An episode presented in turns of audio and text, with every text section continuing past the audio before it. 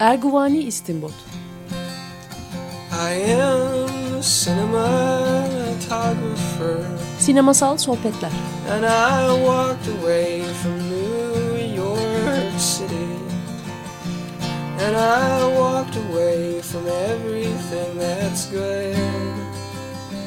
Oh, I am a cinematographer. If you were Hazırlayan ve sunan Cüneyt Cebenayak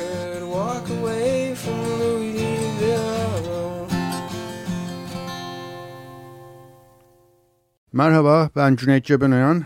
Ee, 94.9 Açık Radyo'dayız. Programımızın ismi Erguani İstimbot. Üçüncü programdayız. Ee, Bu programda bir konuk alıyorum ve o konukla e, bir filmi tartışıyoruz. Filmi seyrettiğinizi varsayıyoruz. Herhangi bir sırrını saklamak falan gibi bir kaygımız yok. Bolca spoiler. evet, bolca spoiler veriyoruz. Evet, konuğum kendisine e, tanıtmama fırsat bulmadan ben buradayım dedi zaten. E, hoş geldin Uğur. Uğur Kutay konuğum. Merhaba, hoş buldum. Uğur Kutay'la biz bir günde aynı sayfayı aynı gün e, paylaşıyoruz. Cumartesi günleri ikimiz de bir güne yazıyoruz. Onun dışında Uğur akademisyen aslen ve eski bir radyocu. E, evet dediğim gibi bugün taksi şoförünü tartışacağız. E, daha önceki programlarda baştan kısa bir özet geçmemiştim. Bu konuda e, öneriler geldi. Böyle bir şey yapmamızın daha iyi olacağına yönelik. Dolayısıyla Taksi Şoförü filmini kısaca bir özetlemeye çalışayım. E, filmin kahramanı ya da anti kahramanı Travis Bickle, Robert De Niro canlandırıyor kendisine. E, ve Vietnam'dan dönmüş, psikolojik problemleri olan, uyku sorunu olan birisi.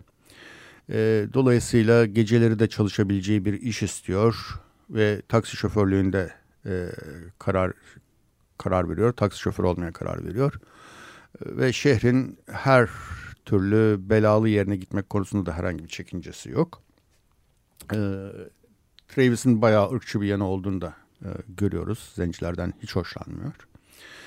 E, Travis işte bu hayatını sürdürürken e, bir gün bir Betsy adlı güzel bir kadına rastlıyor. Bu kadın Palantine adlı bir e, senatörün, bir başkan adayının kampanyasında çalışan bir kadın. Travis Betsy'ye aşık oluyor. Onunla bir ilişki başlatıyor. Fakat e, yüzüne gözüne bulaştırıyor. Çünkü aralarında çok ciddi kültürel ve sınıfsal farklar var. E, kadın hemen anlıyor ki bu adamla bu iş yürümez.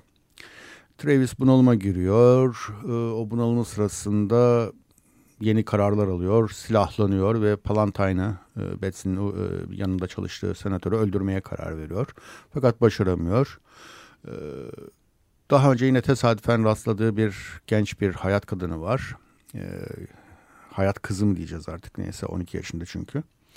Ee, onu kurtarmak gibi bir fanteziye kapılıyor. Ee, ve onu kurtarmak için ortalığı kan gölüne çeviriyor. İşte kıza kızı sömüren e, muhabbet tellallarını öldürüyor vesaire vesaire ve fakat bütün bunların sonucunda e, bir psikopat olarak hapse atılmıyor aksine e, kahraman statüsü ne kavuşuyor. E, film fakat hani işte Travis iyileşti artık toplumun e, sağlıklı bir bireyi bir parçası gibi bir e, net bir finale sahip olduğunu söylemek zor. Hatta e, filmin e, senaristi Schrader tam da tersi olduğunu düşündüğünü söylüyor bir yerde. Schrader. Schrader mı? Evet. Peki. Schrader. E, Paul Schrader e, Paul olmasın. e, Paul Schrader e, öyle demiş bir yerde. E, ve film öyle bitiyor. E, film işte 1976'da Cannes'da en iyi film seçildi. Robert De Niro'nun kariyeri fırladı vesaire vesaire. Neyse şimdi Uğur'a sözü bırakıyorum. Çok iyi bir film. Harika bir film. Tüm zamanların en iyi 100 filmi sıralamalarına mutlaka giren bir film. Ama bir yandan da küçük bir faşist başyapıt. Amerikan sağcılığının 1970'lerde hızla yükselişine denk düşen çok sağlam bir sinematografik refleks. Çok katmanlı bir film. Katmanlardan biri Travis Bickle'ın şahsında bir başkası e, kullandığı taksi şahsında, bir başkası Betsy karakterinde, bir başkası e, Travis'ın suikast düzenlemek istediği Senatör Palantine kişiliğinde e, ortaya çıkan çok tuhaf katmanlar. İşte kendisinde ortaya çıkan katman şu, hiçbir baltaya sap olamamış bir Vietnam gazisi ki e, Martin Scorsese bu karakteri canlandırırken bir özel kuvvetler mensubu arkadaşının davranış biçimini gözlemiş epeyce ve onu yansıtmaya çalışmışlar. Fazlasıyla da başarılı olmuşlar. Çünkü işte e, 1970'lerin sonlarından itibaren 1980'lere de damgasını vuran en önemli seri katil olaylarının önemli bir kısmı şeydi Vietnam gazilerinden kaynaklanıyordu. Çünkü posttraumatik stres sendromu onlarda aşırı yoğun bir hale geliyordu. Martin Scorsese Richard Schickel isimli birisiyle yaptığı röportajlar var. Bir nehir söyleşi. Time Orada- dergisinin yazarlarındandır Richard Schickel. Ha ben şeyi e, söyleşi kitabını okudum. Dergiyi takip etmedim ama. İşte orada diyor ki 19 yaşında bir insanı öyle bir yere gönderiyorsunuz ki bir öncesi var bir sonrası var. Ne yaptığını hiç bilmiyor. Eline silah veriyorsunuz ve paldır küldür bir şeyler yapıyor. Ondan sonra geri döndüğü zaman ortaya çıkıyor aslında ne yaptığı. Yani kendisinde ortaya çıkıyor. Yoksa işte medyanın ortaya çıkardığı şeylerden bahsetmiyoruz.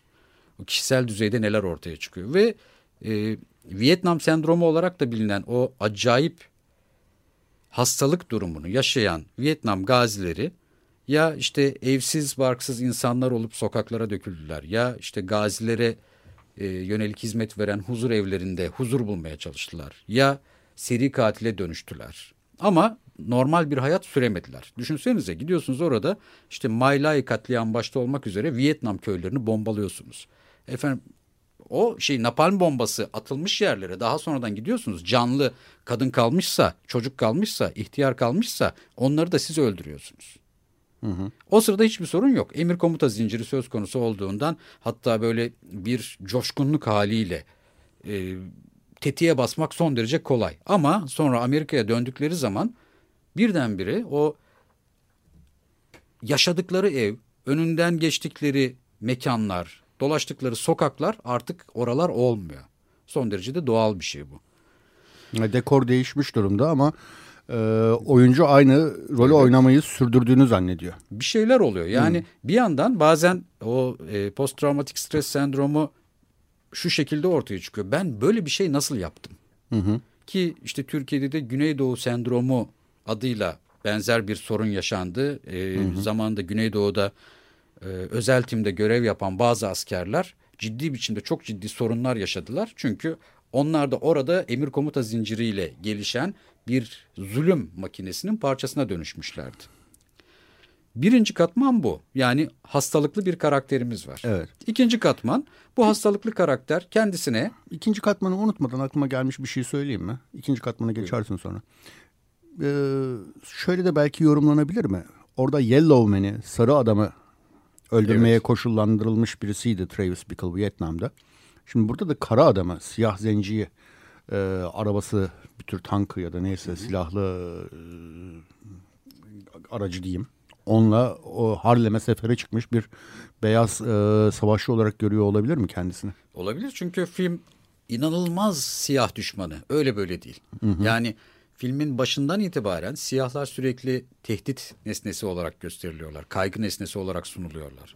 İşte alt açıdan yapılan çekimlerle New York sokaklarında üstümüze üstümüze yürüyen siyahlar var. Filmi izleyenler genellikle pek fark etmiyor ama e, tam da Betsy ile ilk karşılaşma anına doğru ilerlerken yakasını tutmuş bir şekilde son derece tehditkar bir şekilde kameranın önünden geçen bir siyah adam var. Fakat yani çoğu izleyici de bunu fark etmiyor. Buna benzer neredeyse subliminal olduğu söylenebilecek yöntemleri bile kullanarak e, Scorsese çok ilginç bir biçimde e, siyah karşıtlığı yapıyor. Yani burada artık Travis Bickle'ın siyah karşıtlığıyla Scorsese'nin siyah karşıtlığı üst üste örtüşmeye başlıyor. O da e, filmin temelindeki katman. Asıl benim asıl sorunsal haline getirdiğim şey de o zaten. Peki buna geri döneriz. Devam et sen istersen. E, ikinci katman şu taksi meselesiydi. Çünkü taksi orada bir yandan e, Travis Bickle'ın tankına dönüşüyor. Bir yandan da Nuh'un gemisi gibi algılanıyor. Travis Bickle filmin bir yerinde diyor ki bir gün güzel bir yağmur yağacak ve sokaktaki tüm bu pislikleri temizleyecek. Orada bahsettiği sokaktaki pislikler şey değil. İşte New York Belediyesi'nin toplamakta geciktiği çöpler değil. Ki onlar da var. Ama yani işte e, tüm hayvanlar gece ortaya çıkıyor diye bahsettiği işte hayat kadınları, uyuşturucu satıcıları, efendim işte şunlar bunlar falan diye e, bir kesim insanın ismini sayıyor ve hepsi gece ortaya çıkıyor dedikten sonra bir gün büyük bir yağmur yağacak ve bu pisliklerin hepsini temizleyecek diyor. Doğrudan Nuh tufanı söylencesinde bir gönderme var. Fakat bir yerde de diyor ki belki de ben Tanrı'nın yalnız kuluyum. Hı hı. Şimdi dinsel söylenceler tarihinde Tanrı'nın yalnız kulu hep peygamberler olmuştur. Hı hı. Yani Nuh da bir anlamda yalnızdır. Belki ailesi de aralarında aile bağlantısı olmasa şeyi Nuh'un dediklerini kabul etmeyebilirlerdi. Nuh hayvanlarla tek başına yolculuğa bile çıkabilirdi belki de. Zaten yakın zamanda bir Nuh Tufanı filmi oldu. Orada evet. Nuh insanlığın öldürülmesi, yok edilmesi gereken bir tür olduğuna ikna olmuş durumda. Ee, hatta bu yüzden torununu öldürmeye Şimdi çalışıyor. Zaten Neyse. orada öyle bir şey var. Ee, Tanrı'nın, Tanrı e, gazapkar bir Tanrı'nın, gazaplı bir Tanrı'nın. İşte ya kullar bu yaptıklarınız hoşuma gitmedi ben sizi sıfırlayıp yeniden başlayacağım. Ya da işte Windows işletim sistemi gibi kapat aç yapacağım. Ee, dediği bir düzen var. Orada kendisine bir temsilci seçiyor. İşte God's Lonely Man orada ortaya çıkıyor. Tanrı'nın yalnız kulu ve Travis Bickle kendine böyle bir rol biçiyor. Hı hı. Bu dünyadaki e, insanların büyük bir kısmı benim gözlerimle tanık olduğum bu dünyadaki insanların büyük bir kısmı yaşamaya layık değil ve işte onlar ölecek ama benim gemime bir şekilde binenler kurtulacak. Hı hı. Zaten hikayede taksiye binenler ve binmeyenler ayrımında gerçekleşiyor. Taksiye önce bir hayat kadınıyla müşterisi biniyor. Bunların e, takside başlayan cinsel ilişkisi bize Travis Bickle'ın cinselliğini gösteriyor biraz. Sonra karakter derinleştirme sırasında bu filmin ilk 10 dakikasında olan şeyler bunlar. İkincisi işte taksiye binen e, küçük hayat kadını fuhuş yapmaya zorlanan e, Iris karakteri. Hikaye e, onun etrafında dönmeye başlayacak bir süre sonra. Sonra e, limuzinleri gelmediği için taksiye binmek zorunda kalan ve tesadüfen Travis'ın taksisine binen e, son derece kötü bir şekilde sunulan Senatör Charles Palantine karakteri neden kötü bir şekilde sunuluyor? İğrenç bir politikacı, aşırı derecede yalaka bir politikacı, e, çıkarcı, e, pragmatizmi felsefi düzeyden çıkarmış, tamamen gündelik hayat pratiğine dönüştürmüş iğrenç bir adam. E, işte o biniyor Travis Bickle'ın taksisine. Daha sonra Travis Bickle'ın e, suikast düzenlemeye çalışacağı karakter. Taksi orada çok özel bir yer kaplıyor. Tanrı'nın yalnız kulunun asıl mekanı orası. Evi falan değil. Taksi durağı değil. New York sokakları bile değil aslında. Taksi. Hı hı. Filmde bir yerde Travis Bickle'ın e, nispeten sağlıklı bir ilişki kurabildiğini görürüz. Orada çok ilginç bir kamera stratejisi vardır. E, taksi yavaş yavaş geriye doğru çekiliyormuş gibi görülür. Aslında kamera kaldırımda konumlanmış bir ray sistemi üzerinde. Travis Bickle üstüne güzelce bir kadife kırmızı ceket giymiş ve Betsy'ye çıkma teklif etmeye gidiyor. Film boyunca göreceğimiz ilk ve son sağlıklı diyalog kısmı. Ve orada kamera soldan sağa doğru kaldırımda o kadar güzel bir kaydırma hareketi yapıyor. Taksi sanki e, o sarı devasa şey hem canavara gönderme yapıyor hem hastalığa gönderme yapıyor. Yavaşça geriye doğru çekiliyor. Ben şimdi buradan çıkıyorum ve şimdilik sağlıklı bir şey izleyeceksiniz. Ama taksi sonra tekrar devreye giriyor ve tüm sağlıklı sistemi ortadan kaldırıyor. Üçüncü bir katman e, Senatör Charles Palantine ve... Üçüncü katmana girmeden önce konuyla alakalı da olduğunu düşündüğüm hı hı bir şarkı girelim. Filmde e, çalmıyor aslında ama sözleri söyleniyor. Tam da senin dediğin şeylere e, yönelik sözleri var. E, Betsy bir ara e, Travis'e şey diyor. Sen diyor peygamber gibisin, uyuşturucu satıcı gibisin, işte çelişkilerle dolu bir adamsın gibi bir şey söylüyor. Bu da işte Chris Christopherson'un The Pilgrim Hacı adlı e, şarkısından sözler. Travis itiraz ediyor. Ben de çelişki melişki yok falan gibi şeyler söylüyor. Ee, istersen bu şarkıyı dinleyelim. Peygamber mi? Ee, işte günahkar mı? Neyse. tam da sözleri buna uygun. E, The Pilgrim Chris, Christopherson'dan geliyor. Erguvani İstimbot'u dinliyorsunuz Açık Radyo 94.9'da. Taksi Şoförü filmini tartışıyoruz. Ben Cüneyt Cebenoyan, konuğum Uğur Kutay. Evet Uğur, üçüncü bir katmandan söz ediyordun. Üçüncü katman karakterin e, politik ideolojik yapılanmasını göstermeye yönelikti. Charles Palantine ve onun seçim ofisinde çalışan bazı karakterler görüyoruz. Yani Betsy isimli karakter aslında. Senatör Charles Palantine e, yalaka bir politikacı, e, film boyunca sürekli dalga geçilircesine sunuluyor. İşte konuşmayı doğru düzgün bilmez, halka nutuk atarken e, tuhaf hareketler yapar. Efendim ekibi inanılmaz derecede beceriksizdir ve e, sürekli geyik muhabbeti yaparlar seçim ofisinde. Seçim ofisini bırakalım Columbus Meydanı'nda miting e, zamanı işte mesela orada ses sistemiyle uğraşan bir adam vardır. İşte ben bu işi çok yaptım der. Ekipten birisi gelir. Bu işi daha önce kaç kere yaptın der. Ee, daha önce hiç yapmadım der. Yani Amerikan yönetimine talip olan bir adam ve ekibi kesinlikle bu işi yapamayacak bir kitle olarak sunulur orada. Ee, seçim ofisinin iç döşeme renkleri aslında Senatör Charles Pallantine'ın Cumhuriyetçi Parti adayı olabileceği gibi bir yanılsama yaratır. Ama aslında Palantine Demokrat Parti'nin adayıdır. Çünkü e, bunu hem Vietnam karşıtı söylemiyle hem ofiste çalışan işte ve Travis Bickle'ın arzu nesnesine dönüşen Betsy karakteriyle görürüz. Betsy kuzeylidir. Hı hı. Ve şeyde e, yine Columbus Meydanı'nda. Columbus Meydanı çok önemli. Sadece Amerika'yı keşfeden adamın adının e, verildiği bir meydan değil. Miting orada yapılıyor. Columbus Meydanı'ndaki bir pastaneye götürüyor ilk olarak Betsy Travis. İşte orada e, Betsy'nin kuzeyliliğiyle Travis'in güneyliliği de çarpışıyor. Ve Betsy son derece demokrat, e, liberal ama şey e, ekonomik anlamda değil de liberter diyeyim daha doğrusu. Öyle bir karakter ve Senatör Charles Pallantine'a hayran. E, Senatör Charles Palantine birkaç yerde mesela işte o Columbus Meydanı'nda şimdiye kadar Vietnam'da öldük, şunu yaptık, bunu yaptık. Bundan sonra hayır, hiçbirine katılmıyoruz gibi bir konuşma yapıyor. Ve bunlar Travis Bickle'ın inandığı tüm değerlere karşı şeyler.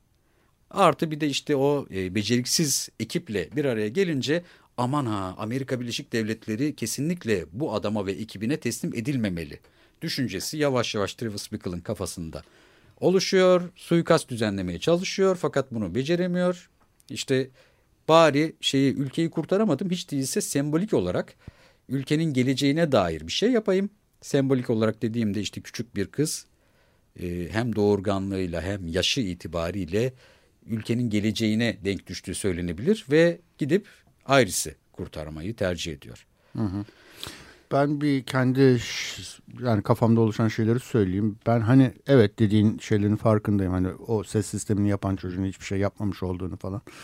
E, fakat biraz abarttığın hissine kapıldım. Yani Palantine'ın o kadar beceriksiz gözükmediğini düşünüyorum. Ee, sonra ne bileyim. Peki, ee, bir şey daha söyleyeyim. söyleyeyim. Güneyliliğini nereden biliyoruz Travis'in? Ee, şeye mi söyledi? Evet. E, taksi şoförü olurken e, memleketini mi söyledi? Yok o? onlar konuşuyorlar. Bir de şeyi annesiyle babası e, Florida'da bir yere yerleşiyor. Hı hı. Yanlış hatırlamıyorsam. Ama Florida'ya hep yaşlılar yok, yok, yerleşiyor. Tabii tabii işte yani emekli olup yerleşiyorlar. Fakat Columbus Meydanı'ndaki o pastanedeki konuşmada öyle bir şey geçiyordu sanıyorum. Hmm. Kızın kuzeyli olduğunu öğrenince Upstate hatta diyor doğru. Şey öyle bir şey diyor. ufak bir minik şok yaşıyor. Ulan hmm. Kuzeylilerden adam mı çıkar hmm. havasında. Hmm. Öyle bir şey. Ama Palantine konusunda hmm. madem itiraz ettim ben de itirazına itiraz edeyim. Şöyle bir durum söz konusu. Bir, Senatör Palantine'ın tam bir yol kesişme noktasında bulunan ofisine geliyoruz. Ee, ilk gördüğümüz şey şu. Kıvırcık saçlı, gözlüklü adam gidiyor Betsy'nin yanına ve Betsy ile reklam üzerine konuşmaya başlıyorlar. İşte Betsy diyor ki Palantine müthiş bir adam, çok zeki, şu bu falan diye. İşte ama Betsy'nin buna inandığını falan yo, yo, emin hayır, değiliz. Hayır, orada, reklam orada, yapıyorlar yani. Yok yok orada Betsy yani gözleri hülyalı bir şekilde bakmaya başlıyor. söylediği her şeye inanıyor. Ve sonra diyor ki bir de işte önce adam sonra politika gibi bir şey söylüyor. Hı hı. Yani önce adamı öne çıkar evet. ondan sonra politikayı öne çıkar gibi. Oradan Amerika'da politika başlıyoruz. böyle yapılıyor. Hı hı. Ofise ikinci geldiğimizde Betsy karakteri geliyor bizim bu kıvırcık saçlı gözlüklü adamın yanına ve diyor ki işte şu parmağınla şu parmağın olmasaydı ve kibrit yakmak zorunda kalsaydın nasıl yakardın? İşte adamcağız da uğraşmaya başlıyor ama bir türlü beceremiyor. Çünkü aslında o bir eşek şakası. İşte ağzına alıp kibriti öyle yakman gerekiyor ve o zaman da burnun falan yanacak. Böyle saçma sapan bir eşek şakası. Ama onu bile beceremiyorlar. Yani o adam onu bile beceremiyor. Sonra Betsy diyor ki e bunu köşedeki büfede çalışan çocuk yapıyor diyor. O kesin İtalyandır, mafyadır falan diyor. Şey e, erkek. Sonra tuhaf bir biçimde bir o çocuğun Kanarya. da Yahudi olma ihtimali yüksek kıvırcık saçlarıyla. Evet. Kıvırcık siyah saçlarıyla. Kanarya muhabbeti dönüyor. İşte e, onlar mafyadır ve öldürdükleri adamın üstüne bir kanarya bırakırlar. Peki neden kanarya? Yani güvercini yakalamak zor da ondan işte gidersin bir pet shop'tan bir kanarya alırsın öldürür koyarsın ne olacak gibi aslında yaşadıkları ülkenin gerçekliğiyle bile alakasız bir şey konuşuyorlar. Çünkü aslında orada dönen nedir? Mafya birisinin öldürdüğü birisinin üstüne neden kuş bırakır? Ve o kuş nedir? Bülbüldür. Ötmüştür. Sadece öttüğü için öldürdükleri kurbanlarının üstüne bülbül bırakır mafya. O da işte en ünlü karakterlerden biri de Bülbül Valachi isimli bir karakter. Yani adama Bülbül ismini de mafya takıyor. Çünkü bu adam mahkemede ötmedik an bırakmamış Amerikan mafyasına dair. E, o yüzden Bülbül öldürüp bırakırlar. Bülbül, kanarya değil. Efendim işte sonra e, yakalayamadıkları, pet shop'tan kolayca aldıkları için değil. Şunun için değil, bunun için değil. Yani o karakterler film içerisinde bize en geyik muhabbeti yapan, en çok konuşan ama hiçbir şey söylemeyen, en kafası boş, en ideolojiden falan anlamayan, politikadan anlamayan karakterler olarak sunuluyorlar. Hı hı. Sadece reklamla uğraşıyorlar. Başka da hiçbir şey yapmıyorlar. Yani bir kutu hazırlıyorlar. Kutunun dışı çok süslü püslü olacak ama kutunun içinde hiçbir şey yok. Hı hı. E, Senatör Charles Pallantine'a filmin ve yönetmenin ve karakter Travis Bickle'ın bakışı bu. Valentine taksiye biniyor. Yanında iki yardımcısıyla. Aa diyor Travis Bickle siz Senatör Charles Pallantine'sın, Pallantine'sınız. Ee, bir arkadaşım sizin seçim ofisinizde çalışıyor diyor. Biz hemen Pallantine'ın gözlerini görüyoruz. İşte şeye bakıyor taksimetrenin yanındaki isme bakıyor. Kimlik kartına bakıyor. O Travis biliyor musun ben e, öğrendiğim her şeyi bir takside öğrenmişimdir. Bir limuzinde öğrendiğim daha çok e, şeyi takside öğrenmişimdir gibi birdenbire hiç tanımadığı ilk kez karşılaştığı bir taksi şoförüne yağ yakmaya başlıyor. Şimdi o sırada hı hı. Travis Bickle diyor ki işte e, ben bu ülkenin başına kim geçecekse bir tek şey istiyorum. Bu pisliği temizlesin diyor. Yavaş yavaş sinirlenmeye başlıyor. Arabayı sürerken de sinirleniyor. Yani sadece konuşurken değil biri ne yapacaksa yapsın bu pisliği temizlesin derken vıt kornaya basıyor işte ani frenler yapıyor ışıkları pek takmıyor. Bu sırada adam öyle bir e, ya şu toplum birazcık daha faşizan bir hale gelsin ne güzel olur derken taksi şoförümüz Pallantine'in yanındaki adam şaşkın şaşkın bakıyor bu adam ne diyor ya diye. Hı hı. Palantine e, şey e, tamam haklısın Travis diyor kesip atıyor. Hı hı. Yani böyle bir politikacı karakteri var. Yani Travis Bickle'ın e, hedef olarak, suikast hedefi olarak böyle bir politikacıyı seçmesi de biraz bundan. Çünkü bu adam Travis Bickle'ın arzu nesnesini ondan uzaklaştırıyor. Hı hı. Tamam şimdi bu, bu, bu konuyu tartışmaya sürdürürsek programımızı bitirebileceğimizi hissediyorum. ben sadece şey iyi söyleyeyim. Benim e, aklımdaki e, yorum ise şu. E, evet Palantine işte ama Palantine tipik bir politikacı. Hani demokrat Hı-hı. olduğu için böyle bir politikacı Fakat değil de filmde ikinci politikacılık bir, böyle bir şey. Filmde ikinci bir politikacı var. Senatör Goodwin. Senatör Goodwin'i bir kere bile fiziksel olarak görmüyoruz. Sadece duvardaki ve işte bir elektrik direğindeki afişlerinde görüyoruz. Afişleri bile farklıdır. Senatör Pallantine'ın afişinde yukarıdan bakan e, bir silüet vardır. İnsanlara alaycı bir şekilde yukarıdan bakan bir silüet. E, diğer aday, onun rakibi olan Senatör Goodwin'in e, afişlerinde ise e, başını kaldırmış, gözlerini ufka dikmiş, temiz pak yüzlü, silüet olmayan bir adamın görüntüsü vardır. Ve o e, afişle ilk olarak taksi şoförlerinin buluştuğu bir kafede karşılaşırız. Hı hı. Sonra e, Travis Bickle'ın muhabbet tellalını öldürdüğü sahnede karşılaşırız. Fakat o adam yani Goodwin'in afişi demir parmaklıkların arkasındadır. Hı hı. Yani o kadar çok gösterge üzerinden Senatör Palantine işe yaramaz bir politikanın temsilcisi. Bir de bizim Senatör Goodwin var. İşte şeyi bu şeyleri yapacak, Amerika'yı temizleyecek ama hay Allah kahretsin o da olmuyor bir türlü. Diyen bir şey göstergeler sistemi var filmde. Peki. Senatör Goodwin'i bu arada hiç kimse görmüyor. Büyük olasılıkla sen de görmedin. E, yani afişini gör, siyah beyaza yakın bir afişi vardı. Evet evet. E, fark ettim Mavi. de yani. Ve ama, üzerinde de şey yazıyor. Adını aklıma şey yapmamıştım doğrusu. A Return to Greatness yazıyor. Goodwin, A Return to Greatness. O hmm. eski güzel günlere dönüş. Hmm, tipik Bush söylemi falan. Yani. Evet evet. Reagan söylemi. Yani işte şeyi Vietnam böyle sonuçlanmamalıydı. Tamam Vietnam'ın bir e, sadece kişisel bazda değil e, ulusal bazda da travmatik bir yanı var. Hı hı. Ama e, Vietnam'ın böyle sonuçlanmaması gerekliliği söylemi şeyden kaynaklanmıyor. Vietnam'a hiç gitmeseydik demiyorlar. Bunun devamı bir şekilde gelmeliydi diyorlar aslında. Hı hı. Ne şekilde onu söylemiyorlar ama böyle olmamalıydı diyorlar. Hı hı. Peki nerede Şimdi, kaldık? Üçüncü katmandaydık. İşte bu hmm. e, Palantine ve seçim ekibi üzerinden Travis Bickle'ın politik yönlenmesine bakıyorduk. Çünkü 1970'li yıllar öyle tuhaf ki sanki Amerika Birleşik Devletleri'nde özellikle sinema 1968'in intikamını almaya çalışıyormuş gibi bir izlenim yaratıyor. Yani hı tuhaf bir sağcı patlama var. Öyle böyle değil. İşte 1970'li yılların en ünlü filmleri neler? Ee, Dirty Harry serisi. Clint Eastwood'un oynadığı Dirty Harry serisi. 44'lük Magnum silah orada ortaya çıkıyor ve Travis Bickle da 44'lük Magnum'u o yüzden çok seviyor. Peki bu adam 44'lük Magnum'la ne yapıyor? Şeyi, e, Dirty Harry, Clint Eastwood'un canlandırdığı bir polis karakteri kendi hukukunu sağlıyor. Hı hı. İşte genellikle olan şudur ki sonradan Türkiye'de de Yeşilçam'da birçok Cüneyt Arkın filminde falan aynı sahneleri görmüşüzdür e, kötü adamları adalet bir türlü cezalandıramamaktadır hukuk. Bunun üzerine polisimiz gider kendince cezayı verir. Aslında yargısız infaz gerçekleştirir orada. Sonra e, polis şefi der ki ne yaptığını zannediyorsun sen? Bunun üzerine kahraman polisimiz işte rozetini çıkarır, resmi tabancasını çıkarır ve çeker gider. Ama beylik tabancasıyla işlerini halledecektir. Bu 6 tane çekildi.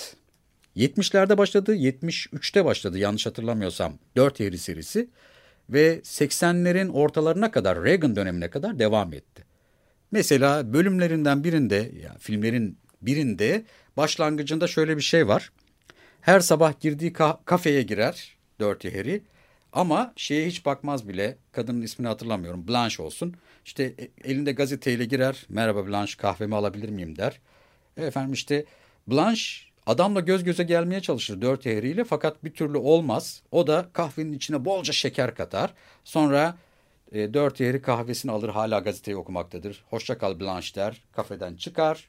Aslında o sırada kafede bir soygun olmaktadır.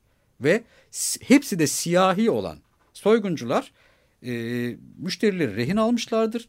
Konuşanı gebertiriz havasında.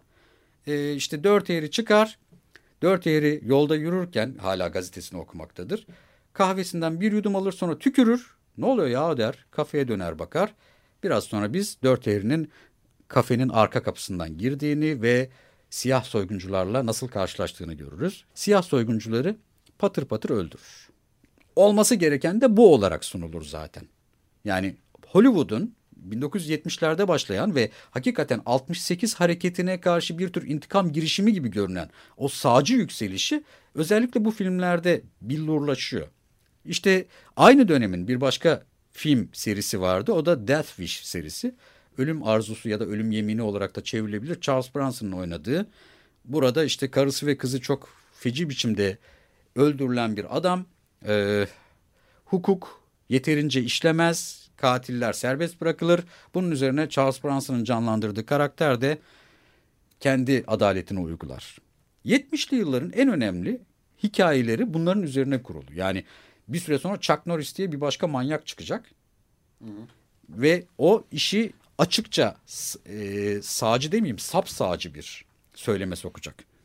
Travis Bickle'ın hikayesi tam da bu dönemin ortasında duruyor. 1976'da yapıldı bu film. Birçok gönderme de var. Travis Bickle'ın 44'lük bir Magnum'u çok severek istemesi bunun bir parçasıdır mesela. Hı hı. Vietnam göndermeleri çok ilginç. Senatör Palentine'ın yeter artık Vietnam böyle olmamalı bu iş demesi bir yana şeyden e, kafeden şoför arkadaşlarından birini Wizard'ı sihirbazı çağırır ya biraz dertleşmeye ihtiyacım var diye. Sinema tarihinin belki en absürt en saçma diyaloglarından birini izleriz. İkisi de birbirini anlamamaktadır. Saçma sapan bir şeyler konuşurlar ve bir ara der ki Wizard ne yani ben Bertrand Russell mıyım benden ne bekliyorsun ki der. Hayda bir Amerikalı taksi şoförü Bertrand Russell'ı nereden biliyor? Avrupa felsefesinin önemli isimlerinden birini nereden biliyor? E nereden bilecek? Şeyden tabii ki. E, Amerika'ya karşı kurulan e, mahkemeden biliyor. Jean-Paul Sartre'ın ve Bertrand Russell'ın içinde bulunduğu, kurucusu olduğu Savaş Suçları Mahkemesi'nden. Amerika Birleşik Devletleri'ni mahkum eden mahkemeden biliyor Bertrand Russell'ı. Yani Vietnam'a bu tür göndermeler de var filmde. Efendim şu God's Lonely Man meselesine bir kere daha bir şeyle değinmek istiyorum. 1990'lı yıllarda yapılmış bir film var. Filmin ismi God's Lonely Man. Hı hı. Tanrı'nın yalnız kulu. Filmde Travis Bickle'a inanılmaz derecede benzeyen hem fiziksel olarak benzeyen hem karakter olarak yani işte pek sosyal olmayan hatta antisosyal bir karakter var. Bu adam porno filmler satan bir video dükkanında çalışıyor ve e, sınav porno endüstrisinin eline düşen bir genç kızı kurtarmak üzere silahı eline alıyor. Travis Bickle'ın hikayesini 1980'lerin sonları 90'lara uyarlanmış bir şekilde izliyoruz. Benzer bir şekilde e, hikaye gelişiyor. İşte e, bu genç kızları bu korkunç bataktan işte bu özgürlükçü hayat denilen şeyin batağından ancak ben kurtarabilirim diyen peygamber karakterler sayesinde. E, filmin içerisinde hı hı. Ben ee, bir şey söyleyeceksin. E, yani acaba bir şarkı daha koysak mı? Tam da Gazlon Liman'dan söz verken filmdeki Gazlon Liman şarkısını dinlesek diyecektim. E, demiş de olayım. 94.9 Açık Radyo'dayız. Erguani İstimbot'ta ben Cüneyt Cebenoyan, Uğur Kutay'la Taksi Şoförü filmini konuşuyoruz. Taksi Şoförü'nün Amerikan sinemasının ve genel olarak Amerikan politikasının çok sağcı bir yükseliş dönemine denk düştüğünü söylüyorduk. Orada başka bir şey daha var. Iris karakteri, o küçük yaşta fuhuş yapmak zorunda bırakılan kızcağız, nihayet Travis Bickle onu bir kafeye çeker. İşte önce ikna etmeye çalışır. Henüz işte silahla müdahale etmek gibi bir derdi yoktur. Acaba Iris'i e, ikna edip ailesine dönmesini sağlayacak mı? Iris karakteri dünyaya son derece saçma sapan bir şekilde bakan bir karakter olarak sunulur. Çünkü sürekli e, rengarenk gözlükler takmaktadır. Önce bir yeşil gözlük takar sonra onu çıkarır başka bir gözlük takar sonra onu çıkarır başka bir gözlük takar. Bu arada Iris'in ekmeğine... tek ideolojisi var o da astroloji. Evet. Hı. İşte ekmeğine mesela marmelat sürer. Üzerinde de şeker döker. Evet hem de çok feci biçimde şeker döker. Bir yandan böylece çocuk olduğunu görürüz. Ama bir yandan komünlerden bahseder. İşte ben Vermont'ta bir komüne katılacağım. Ne dersin sen de gelsene birlikte gidelim komüne der Travis Bickle'a. Travis Bickle işte bir yandan palavra atmaktadır. Ben federallerle çalışıyorum. Yok işte şöyleyim narkotikçiyim şuyum buyum. Hı. İşte komün momün de onlar bana gelmez diyor. Saçma sapan şeylerle uğraşma. Sonra özgür kadın der şey Iris. Ne özgür kadını sen neyin özgürlüğünden bahsediyorsun gibi bir çıkışı olur Travis hmm, Sen özgür kadın hareketinden haberdar değil misin? Diye evet evet. Yemezlikten haberdar değil misin diye sor. Yani özgür kadın hareketi efendim e, komün kültürü olumlu ya da olumsuz yönleriyle komün kültürü çiçek çocuk kültürü bize bu filmde Iris isimli 12-13 yaşlarında fuhuş yapmak zorunda kalmış sokaklara düşmüş bir kız kimliğinde sunulur. Hı hı. Yani olsa olsa işte böyle bir şeydir bu. Hı hı. Film bize ideolojik düzeyde böyle bir anlatı sunar. O yüzden tuhaf bir sağcı duruşu var filmin. Şimdi Paul Schrader senaryoyu yazarken e, bu detayların hepsini o kadar güzel bir şekilde yerleştirmiş ki senaryoyu Brian De Palma Martin Scorsese gönderiyor. Scorsese de çok hoşlanıyor. Ya işte bu bizim gerçeğimiz diyor ama en önemli şeylerden biri işte Richard Schickel'e verdiği röportajda söylediği beni büyük annemle büyük babam büyüttü ve belli bir değer skalasında büyüttüler. O değerler skalası çerçevesinde okudum o senaryoyu ve öfkeyle okudum. Hınçla okudum. Oradaki öfkeyi ve hıncı anlayarak okudum der. Hı hı. Yahu bu öfke ve hınç neye karşı bir öfke ve hınç? 68'in çiçek çocuklarına karşı bir öfke ve hınç var orada. Siyahlara karşı bir öfke ve hınç var orada. İşte nispeten daha liberter olduğu söylenebilecek politik yaklaşımlara bir öfke ve hınç var orada. Hı hı. Ve sonunda hepsi şiddet olarak patlıyor. Peki finalde olan ne? Şimdi bazı sinema yazarları, eleştirmenleri e, bu filmin Travis Bickle'ın finaldeki kahramanlığıyla hafifçe dalga geçtiğini ya da medyayı eleştirdiğini falan söylediler. İronik. Filmin finalinde ne olur? Travis Bickle inanılmaz bir katliam uygular, dirty herilik yapar. 44'lük Magnum'uyla gider ortalığı kana bular. Sonra gazeteler işte e, kahraman taksi şoförü gangsterlerle çatıştı, küçük kızı kurtardı der. Bunun e, fonunda dış seste biz bir hüzünlü bir babanın hüzünlü mektubunu dinleriz. Hı hı hepimizin kalbini titretecek bir mektup, mektuptur aslında. Böyle hepinizin kalbini titretecek deyince Samanyolu FM gibi bir şey oldu ama hakikaten öyledir. Çünkü baba orada der ki işte Iris'imizi, küçük kızımızı bize tekrar kavuşturdunuz, size minnettarız ama ne yazık ki maddi durumumuz iyi değil, New York'a sizi görmeye gelemiyoruz falan der. Orada özdeşleştirme mekanizmasını öyle bir işletir ki Scorsese. Biz orada bir kahramanla karşı karşıyayızdır. Adam aslında hala psikopat senin başlangıçta söylediğin gibi. Hala psikopat değişmemiş ama anti kahraman artık tamamen özdeşleşilecek bir karaktere dönüşmüştür. Hı hı. Olması gereken budur. Martin Scorsese bize bunu söyler. İşte orada medyayla falan dalga geçmiyor. Şöyle bir şey var. Şikel diyor ki Pauline Kael'den bahsediyor. Pauline Kael filmin biraz komik olduğunu söylüyor deyince Scorsese şiddetle karşı çıkıyor. Hayır neresi komik? Ne komiği ya? Ben hiç komik bir şey yapmadım o filmde diyor. Hı hı. İşte ama Pauline Kael şurasında hafif böyle şirin bir şeyler bulmuş falan deyince yumuşuyor Scorsese. E tamam evet öyle bir şeyler olabilir ama ben burada ciddi bir hikaye anlattım diyor. Ve filmin finalinde ne medya eleştirisi var ne başka bir şey. Doğrudan olması gerekeni sunuyor çünkü Martin Scorsese kendi kafasına göre ve Paul Schrader'ın senaryosuna göre. Hı hı. İşte bu tür karakterler olmalı. Travis Bickle gibi karakterler. Bu karakterler sayesinde toplum belki bir hareketlilik yaşayacak. Bu hareketliliğin e, içeriği tartışılabilir ama öyle bir şey işte. Hı hı. Şimdi ben şöyle bir belirsizliğin yine de olduğunu düşünüyorum. Dediğin doğru büyük ölçüde fakat şöyle e, filmde hiç üzerinde nedense çok konuşulmayan belli belir belli belirsiz değil aslında bayağı belirli bir şeyler yapıyor Travis Betsy'den ayrıldıktan sonra arabasını kullanmaya devam ediyor. Filmin artık sonu bitmiş yani. Ee, jenerik akmaya başlamadan hemen önce oluyor ve jenerik başladıktan sonra da bir kere daha oluyor. Ee, dikiz aynasına hı hı. bakıyor, bir düzeltiyor ve sanki bir şey görmüş gibi evet. oluyor. Ve bu bir keresi daha tekrarlanıyor. Orada sanki e, geride bıraktığını düş yani ama o çok ne ne ne demek yani bu şimdi bir şey görüyor ne görüyor hiçbir şey anlamıyoruz aslına bakarsanız çok belli belirsiz sanki e, o geride bıraktığını artık düşündüğümüz karanlığın hı hı. peşinden geldiği şeklinde ben yorumluyorum onu. Bana da öyle geliyor çünkü orada mesela işte filmin finalinde Betsy'yi bırakmıştır. Önce Betsy'yi görmek için aynayı ayarladığını zannederiz. Ama Hı-hı. aslında aynayı öyle bir ayarlamıştır ki New York sokaklarını görürüz yine. Hı-hı. Yani söylediğin doğru. Hı-hı. Bu adam akıllanmadı. Akıllanma terimi doğru olmadı ama Hı-hı. bu adam e, kendiyle barışmadı diye. Evet. Bu adam şimdiye kadar ne gördüysek onları yapmaya devam edecek. Hı-hı. Öyle. Yani Sadece biraz daha cool bir evet, karaktere dönüştü. Evet. Schrader'ın dediği de bu. Yani ben böyle düşünüyorum diyor. Şimdi şeye gelince e, ırkçılık meselesi tabii filmin en tartışılması gereken yanı. E, film karakterin ırkçılığını mı gösteriyor yoksa filmin kendisi mi ırkçı? E, Schrader senaryoda yazdığında e, Travis'in öldürdüğü bütün karakterler siyah hı hı. imiş. Fakat Scorsese ya bunu yaparsak bir isyan başlatırız. Ee, böyle yapmayalım demiş ama karakterin ırkçılığını da çok net bir biçimde vermiş. Ama haklısın yani karakterin ırkçılığını vermenin ötesinde e, her türlü sorunun başlangıcında neredeyse bir zenciyi görüyoruz. E, bir siyahı görüyoruz.